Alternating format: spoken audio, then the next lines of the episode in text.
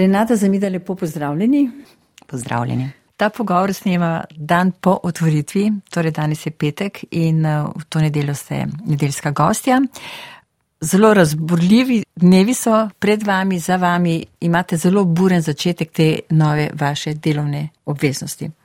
Um, mi otvarjamo center rok postopoma že od začetka oktobra, z veliko otvoritvenimi dogodki, ki so zdaj že za nami. Začelo se je s tednom mode, eh, posebej smo otvarjali svetlobno instalacijo v našem parku, kar je bil zelo dobro obiskan in zelo prijeten dogodek.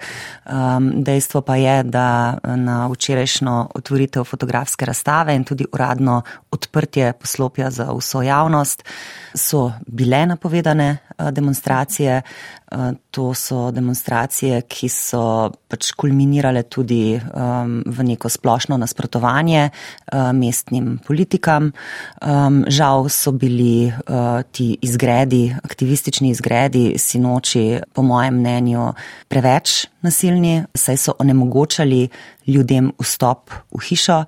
Um, potrebno je povdariti, da so v hišo obiskovalci prihajali že od poznega popoldneva, tudi zaradi tega, ker je bila odprta uh, knjižnica, da je bilo v hiši veliko otrok, da je bilo v hiši veliko starostnikov. Uh, kasneje, kajti uh, v hišo načeloma nismo omejevali dostopa za odpritev, so vstopili tudi protestniki, vandalizirali so sanitarije v centru rok, ob tem pa niso imeli težav, da so se tudi okrepčali na pogostitvi. Jaz bi v tem prvem delu pogovora šla z vami najprej v Frankfurt. Moji kolegi Arsovci so mi povedali, da ste vodili tri okrogle mize in v eni ste bili tudi vi gostja. Miljana Cunta, ki je ob Žižku imela tudi zelo zanimiv otvoritveni govor, mi je napisala, da je bilo to doživetje nepozabno, pa me zanima, kako ste ga vi doživeli. Letošnji frankfurtski sejem je bil zagotovo nekaj posebnega, prav zato, ker je bila častna gostja Slovenija. Zelo sem vesela, da sem bila prisotna tam, da sem srečala avtorje, da sem srečala založnike, da sem srečala tudi tuje partnerje in prijatelje, da je bilo vzdušje zelo pozitivno, da so bili dogodki uspešni. Nekako sem občutila tudi sama ponos ob tem dogodku in sem zelo vesela, da je uspel. Kako so doživeli Žižkov govor? Žižek vas je pravkar poklical po telefonu in naj zmotil, tako da so morali predstaviti intervju za par minut. Kako je bilo?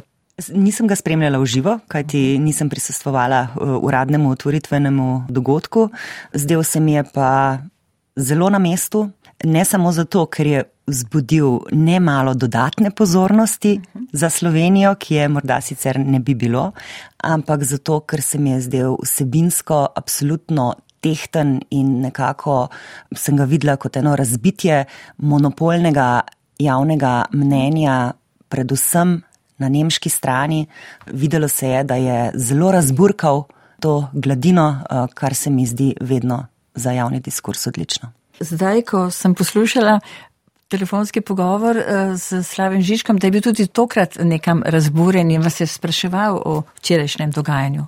Ja, seveda je Slavoj mi povedal, da je bil že eh, oblečen in na prihodu v center rok, vendar se je zbal, da ne bo mogel vstopiti.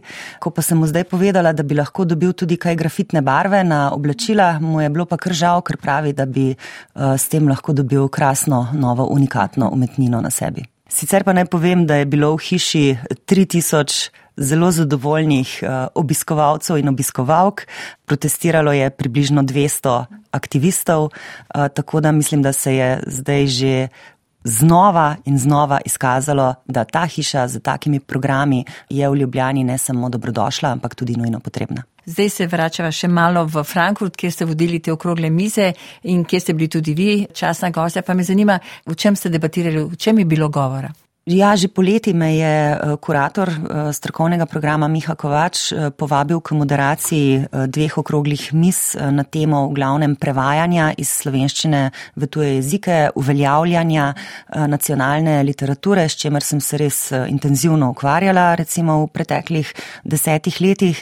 Eno okroglo mizo sem potem dodala še sama na temo globalnih knjižnih dogodkov, kjer je bila gostja ministrica za kulturo, pa tudi kolegi iz iz Evropske komisije in iz UNESCO, svetovne prestolnice knjige. So me pa tuji kolegi tudi povabili na sodelovanje na odru uh, Združenja knjižnih sejmov, kjer smo prav tako govorili o tem, kakšen je pomen mednarodnih knjižnih sejmov uh, dan danes, predvsem v času po pandemiji, koliko se ljudje še hočejo na tašnih manifestacijah uh, zbirati in srečevati, tako profesionalna javnost kot tudi bravstvo. Renata Frankfurt pa ni edini knjižni sejem, kamor ste bili letos povabljeni. Zadnji teden novembra potujete tudi na največji knjižni sejem Latinske Amerike. Gre se v Guadalajaro v Mehiko. Knjižni sejem je znan s kratico Filne. Tako, Feria uh, Internacional del Libro. Tam bo časna gosta EU in vi koordinirate strokovni program za profesionalce. To povabilo je prišlo precej nenadoma in presenetljivo.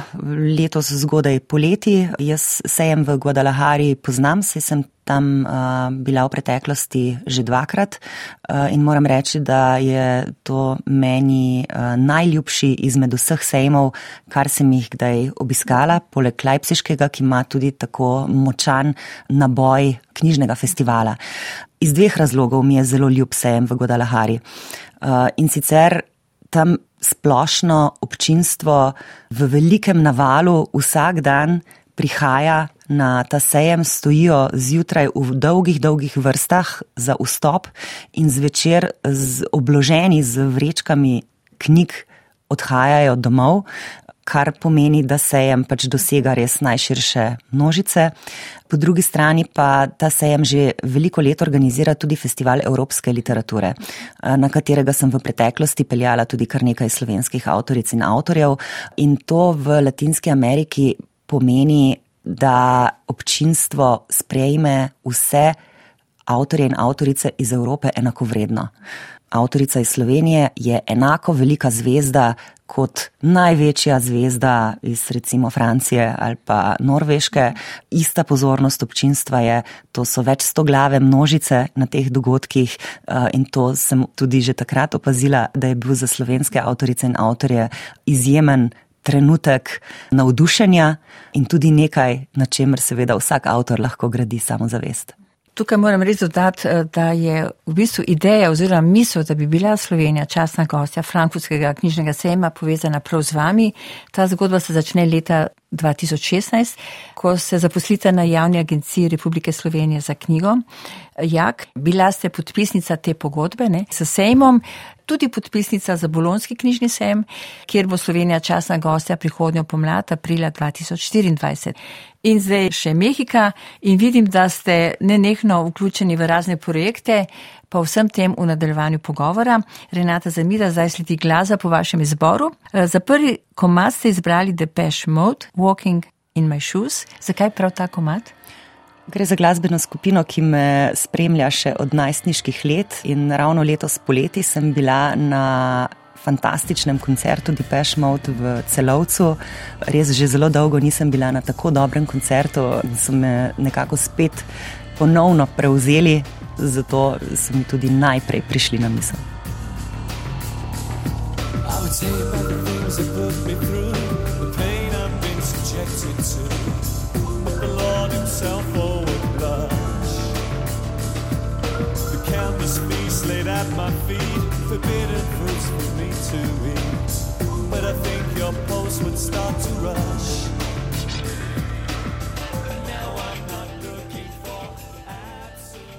Ta pesem Walking in My Shoes Renata Zamida ima nek simbolni pomen.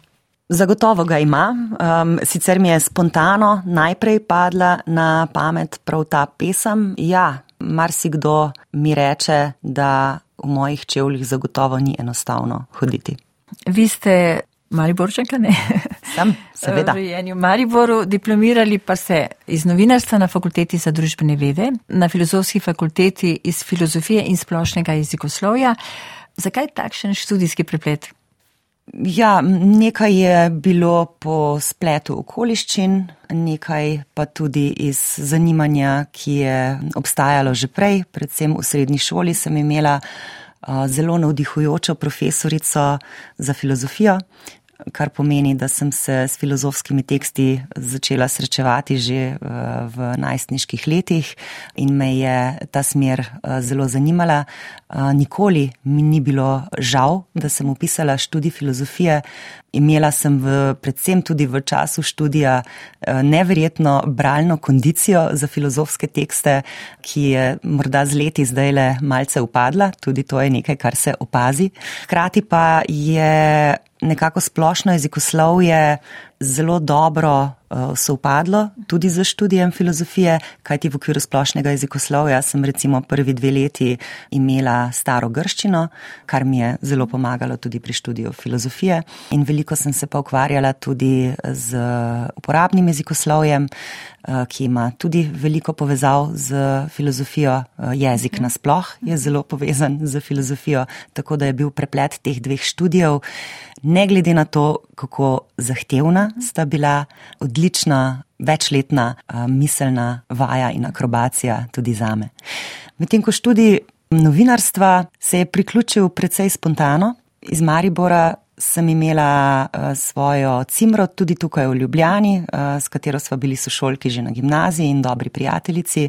Ona je začela študirati novinarstvo. Jaz sem precej spremljala vsebine, s katerimi se je srečevala v tem prvem študijskem letu. Eh, zdele so se mi zanimive, veliko sva jih na koncu opravljali skupaj in to me je navdahnilo, da bi pa novinarstvo kot usporedni študij pisala tudi sama. Potem sem prav k malu eh, začela tudi z delom eh, na radiju in radio je še zmeraj meni zelo ljub medij, vedno sem zelo uživala pri delu na radiju radio zahteva nek uh, hiter odziv, nekako si tudi na varnem v studiu, uh, je ena taka posebna vez z občinstvom, posebna atmosfera. Bila sem tudi redaktorica študentske odaje v živo v soboto do povdne. Ta radijska forma mi je še danes zelo blizu. Niste pa razmišljali o študiju angleščine in nemščine, ker sem nekje to brala, da ste že odraščali z dvema tujima jezikoma, ne, angleščino in nemščino. Živeli ste v takem okolju, čisto slučajno. Ne? Ja, res je. Oba jezika sem se začela učiti že kot otrok, pravzaprav eh, tudi po enem takem sklopu različnih naključij. Oba moja stara starša sta eh, nemščino obvladala. Konec 80-ih smo tudi v Mariboru večinoma gledali programe uh, avstrijske televizije, tako ORF-a, tudi risanke sem večinoma gledala v nemščini kot otrok. Nekako sta oba ta jezika prišla v moje uho, zato se mi poglobljen študij enega ali drugega od njiju nikoli ni zdel zadosten izziv, bom rekla, ali pa me ravno zaradi tega, ker sem bila z njima tako intuitivno povezana, ni zanimala analitična plat to vrstnega študija ali nemščine ali angliščine. Že od mladosti je pri vas vse povezano s knjigami. Leta 2006 pa se zaposlite pri študentski založbi, danes založba Beletrina, najprej kot vodja marketinga, ne, sem si prav zapomnila, potem pa delujete na mednarodnem trženju, na področju posredovanja prevodnih pravic eh, slovenskih avtorjev in avtoric na tuje trge. Vi ste vzpostavili platformo Biblos, ne? In to vaše desetletno obdobje ne, je bilo zelo plodno in zelo posebno. Ne? Ja, delo na tej založbi mi je omogočalo, da sem se lahko ukvarjala z večjimi založniškimi področji. Zelo zanimiva od vsega začetka mi je bila tudi elektronska knjiga. Okolje te založbe z določenimi sodelavci je bilo zelo odprto, recimo tudi za razvoj tega področja. Krati pa je to zagotovo bila tudi v preteklosti ena izmed založb, ki se je od vsega začetka intenzivno trudila za eh, tudi prezentacijo avtoric in avtorjev na tujih trgih, kar je bil tudi zame poseben izziv, zahteva posebne obrtniške spretnosti, bom rekla, prav tako, ki se jih priučiš s časoma, zahteva veliko mreženja, veliko sodelovanja z kolegi v tujini, zahteva veliko potovanja. Vse to so bila krasna izhodišča za moje delo, ki sem ga zelo, zelo rada opravljala. Eh, tudi kasneje na javni agenciji za knjigo eh, je bilo prav to uveljavljanje slovenske literature v tujini zame področje, ki sem se mu morda najbolj intenzivno vse skozi posvečala.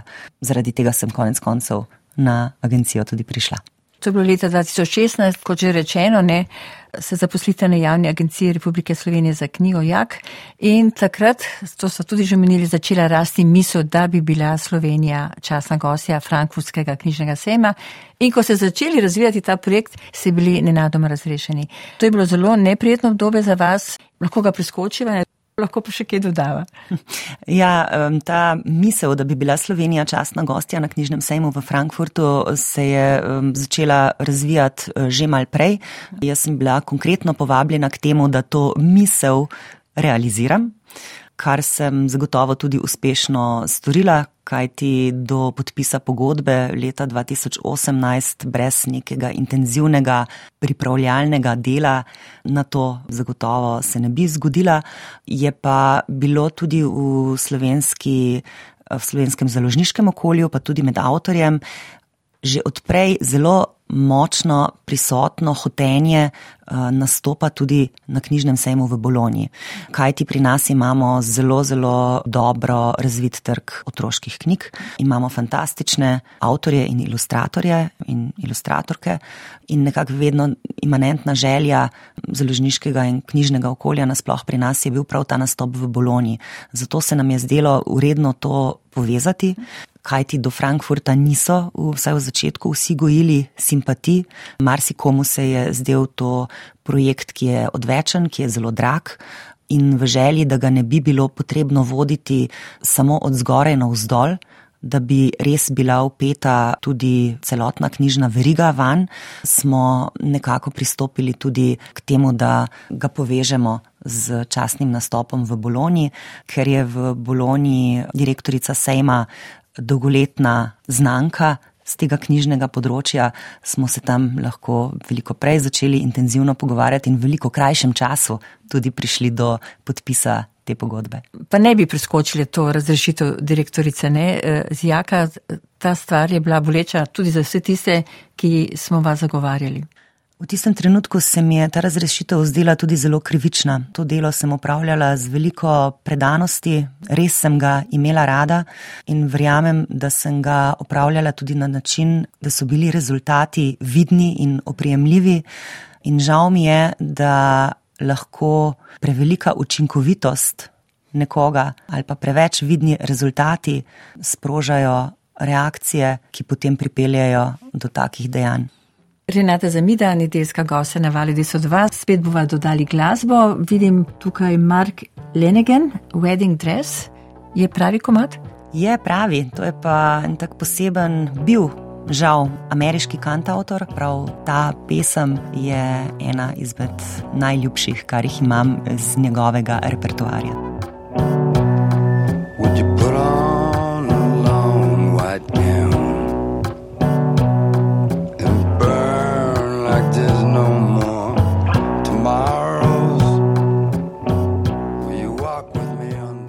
Nedeljska gostja v tretje je še vedno Renata Zamida, kulturna menedžerka, novinarka, filozofinja, jezikoslovka, prevajalka, konferenčna tolmačka, nekdanja direktorica javne agencije za knjigo Republike Slovenije in danes seveda v vlogi prve vodje novega javnega zavoda Center Rock pa vendar vaše dejavnosti so mnogo širše.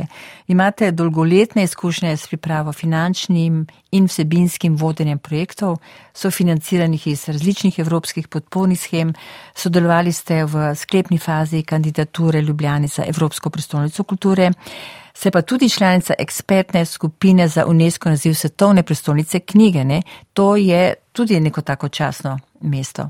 Uh, ja, glede na to, da je UNESCO naredil mrežo svetovnih prestolnic knjige prav pred kratkim pod okriljem Creative Cities, je to bilo tudi eno povabilo k soustvarjanju dejavnosti prihodnje mreže.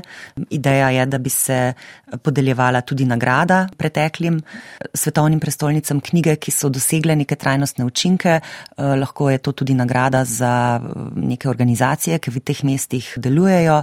Skratka, želijo si tudi doseči neko večjo vidnost in povezanost teh svetovnih prestolnic knjige, tako da mi je veliko veselje pri tem tudi sodelovati. Mogoče na tem mestu lahko spomnimo, da je bila tudi Ljubljana svetovna prestolnica knjige, zdaj že skoraj davnega leta 2010. Mislim, da se je takrat tudi odlično odrezala. Ogromno enih dogodkov se je dogajalo. Upam, da bo en tak fin kulturni pečat pustila tudi bodoča Evropska prestolnica kulture, torej Nova Gorica v povezavi z Gorico. Vodite delavnice, pripravljate strokovne in publicistične članke doma, tudi v tujini in seveda prevajate. Ne? Nič kaj veliko ne prevajam, prevajam bolj ad hoc in uh, po nekem uh, navdihu. Zelo sem vesela sicer, da sem predlani prevedla krasen otroški roman, ki je povezan s čebelami, s katerimi smo povezani tudi pri nas doma. To je leto, ko so prišle čebele, izdala ga je založba Sodobnost, prevedla sem ga pa iz Nemščine. Krasna priložnost pa se mi je zdela in zato, ker jaz pač nikoli ne morem počivati, da sem lahko dejansko v času porodniškega dopusta prevedla enega izmed meni zelo ljubih pisateljev, eh, Maxa Friša in njegov eh, kratek romanček Človek iz Holocena, že kar nekaj let nazaj. In to sta tudi pravzaprav moja edina knjižna prevoda. Eh, v književnem prevajanju se nikoli nisem posebej urila, zelo, zelo cenim ta poklic, tako da sama sebi nikakor ne bi želela reči književna prevajalka, ker mislim, da imam premalo kilometrine na tem področju za seboj. Eh, zelo, zelo cenim pa kolegice in kolege, ki to počnejo um, perfektno. Več sem se ukvarjala s tolmačenjem. Ta moj tolmaški talent je pravzaprav odkrila kolegica Amalija Maček in me nekako mal potisnila v to, ker je videla, da mi po naravi tolmačenje leži, tako da sem veliko, predvsem simultano tolmačila tudi za evropske inštitucije, kajti nekaj časa sem kot akreditirana tolmačka pri evropskih inštitucijah veliko odhajala v Bruselj opravljati to delo, bodi si v parlament, bodi si na Evropsko komisijo. No in prav iz vseh koncev sem slišala, da ste neodlična, fenomenalna konferenčna tolmačka. Ja, mi leži, ne? Mi leži in še zmeraj se rada potrudim, če lahko s tem, ki občasno pomagam. Eh, sicer pa tega eh, nikakor ne počnem več profesionalno. Tudi za konferenčno tolmačenje je potrebna ena specifična kondicija. Ne vem, če bi v tem trenutku si upala se usesti v tolmaško kabino in kaj takega prevzeti. Še vedno pa to rada počnem in ko pridejo take ad hoc priložnosti, jih tudi prevzamem. Ob vsem tem res zelo aktivnem početju, kakšen je vaš literarni osebni svet zdaj? Kdaj sploh utegnete in kaj tisto, kar potem res zamete v roke in rečete, zdaj bom pa brala? Berem pravzaprav vse skozi, ponavadi imam odprtih več knjig hkrati, nekaj je za zvečer, nekaj je za naletalo, nekaj je za kakšne deževne popovdneve, veliko priložnosti za branje je tudi med eh, kakšnimi otroškimi aktivnosti, ko se morajo starši zamotiti drugače. Berem um, na papirju, ko sem v tujini, veliko krat berem tudi kar z telefona in si s tem mal kvarim oči, kot vidim. Berem veliko tudi publicističnih uh, revij in drugih izdaj. Knjige so pri meni vse skozi nekako odprte knjižne kazalke po celi hiši. Uh, zelo sem vesela, da sem strast do branja prenesla tudi na svojega zdaj desetletnega sina. Uh, upam, da ga bo to tudi držalo. Sicer je pa naša hiša polna knjig, tudi moj partner je strasten bralec in predvsem tudi krasen publicist in pisec, mi je kar žal, da ne piše več. Po drugi strani imamo pa zato tudi polno hišo medu, kar je pa tudi zelo fino. No, ker hotela sem vprašati, kakšne branje navadi ima vaš desetletni sin oziroma ali njegovi vrstniki sploh še berejo knjige. Ne? Kaj vi opažate? Opažam, da so otroci zelo različni da eni radi in veliko berejo, eni pa sploh ne. Opažam in tudi pripoveduje recimo učiteljica v šoli, da nekateri otroci tudi v petem razredu še ne berejo tekoče, kar je zagotovo pokazatelj tega, da se morda tudi v šoli in pri pouku bere manj, kot se je recimo v času, ko smo mi obiskovali osnovno šolo, ko smo precej brali na glas tudi med poukom. Opažam tudi, da nekateri pogosto zahajajo v knjižnico, nekateri pa nikoli. Pri vseh teh drugih prostočasnih elementih, ki so dan danes pri otrocih v spredju, eh, telefonih, tablicah, od katerih jih je težko včasih odvrniti, tudi zato, ker odrasli sami ne znamo več odložiti telefonov težko, že tudi pri samem kosilu, recimo, skozi nosimo te naprave v rokah, v žepih, skozi pogledujemo na nje. To je seveda tudi za otroke en zgled, ki ga ne spregledajo, a ne otroci vse to opazijo. Tako da mislim, da je treba v bralno kulturo pri otrocih vlagati, tudi osebno vlagati. Zelo se mi zdi pomembno, da so otroci doma obkroženi s knjigami eh, in da tudi starše vidijo brat in da vidijo brat stare starše in sestre in brate in da vidijo, da so knjige še vedno pomemben vir tako informacij, da ne pridobivajo informacij samo spleta, kot tudi najpomembnejši navdih, domišljijski navdih za nje. Še zadnje vprašanje s knjigo ali brez, kaj vam pomenijo nedelje? Nedelje imam zdaj v odraslem življenju zelo rada. Ko sem bila pa mlajša, pa nedelj nisem marala, ker so mi predstavljale, ne vem, nekak stisko, nekak dan z najmanj aktivnostmi, hkrati dan, ko se je bilo potrebno pripraviti na naslednji šolski dan ali pa na odhod v Ljubljano v času študija, kajti sploh v prvih letih sem še zelo rada uh, se vračala v Maribor. Um, Medtem ko zdaj um, nedelje najraje izkoristim za druženje z družino, uh, za izlete v hribe in rada tudi za brezdelje, če si ga le lahko privoščim. Vaš zadnji glasbeni izbor? Je pa en tak svež slovenski glas, Kiki. Pesem sicer govori o tem, da nekdo ne more zaspati. Jaz pa moram zase reči, da zelo rada spim. Sem pa v, predvsem v zadnjih tednih spala morda slabše kot kdajkoli prej zaradi vseh dogodkov, ki so potekali tudi pri nas v centru Rok, zaradi skrbi povezanih z eh, dokončanjem hiše, ampak ta eh, mlada slovenska pevka se mi zdi taka osvežitev, zelo je zanimiva, zato sem jo tudi izbrala. Renata Zamida, hvala za ta zelo zanimiv pogovor in veliko dobrega. Hvala.